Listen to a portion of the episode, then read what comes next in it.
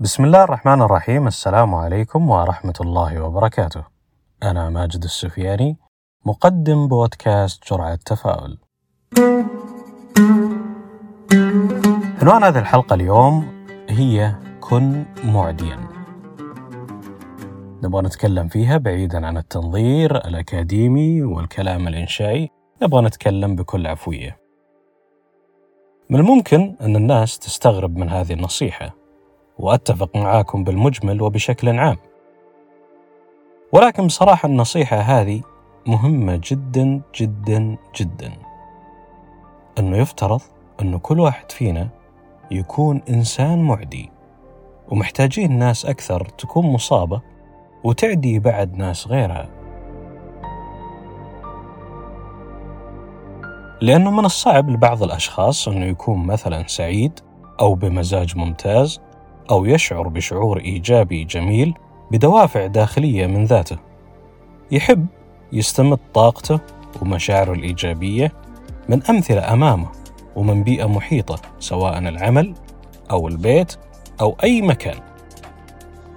يحب الناس تمسك يده وتطمنه أن الدنيا لا زالت بخير بدون أوهام وأحلام زائفة.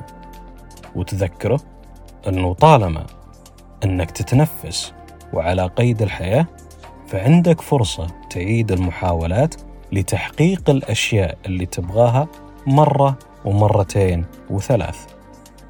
وأنه ليس من الضروري أن النجاح يكون حليفك من المرة الأولى. تجد هذه الناس الرائعة الكل يميل للجلوس والحديث معهم. وكسب علاقاتهم وتنطبق عليهم مقولة كن مع النجوم تصبح نجما هذا النوع الرائع من العدوى اللي لازم تنتشر. نعم ما ننكر أن الحياة فيها أيام صعبة وصعبة جدا وفيها مواقف وأمور تسبب لنا الحزن وهذه سنة الحياة ما يختلف عليها اثنين. ولكن للأسف نبغى نبعد عن الناس اللي فوق مشاكل. وأحزان الحياة الطبيعية تحب هي أيضا أنها تضيف سلبيتها ونكدها الخاص بأسلوبها الغريب. ما يكتفون بكسلهم وفشلهم وعدم مواجهة الحياة بل بالعكس يبثون كل ما يعكر صفو الإنسان وفي جعبتهم الكثير والكثير من الإحباط اللي ياثر على من حولهم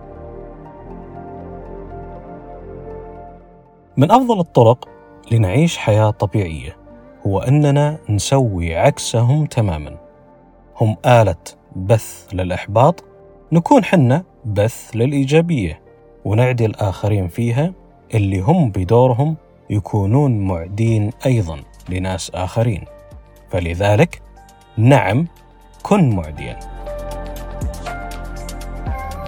وفي الختام تذكر أنه لا يوجد إنسان يستطيع مساعدتك غيرك أنت.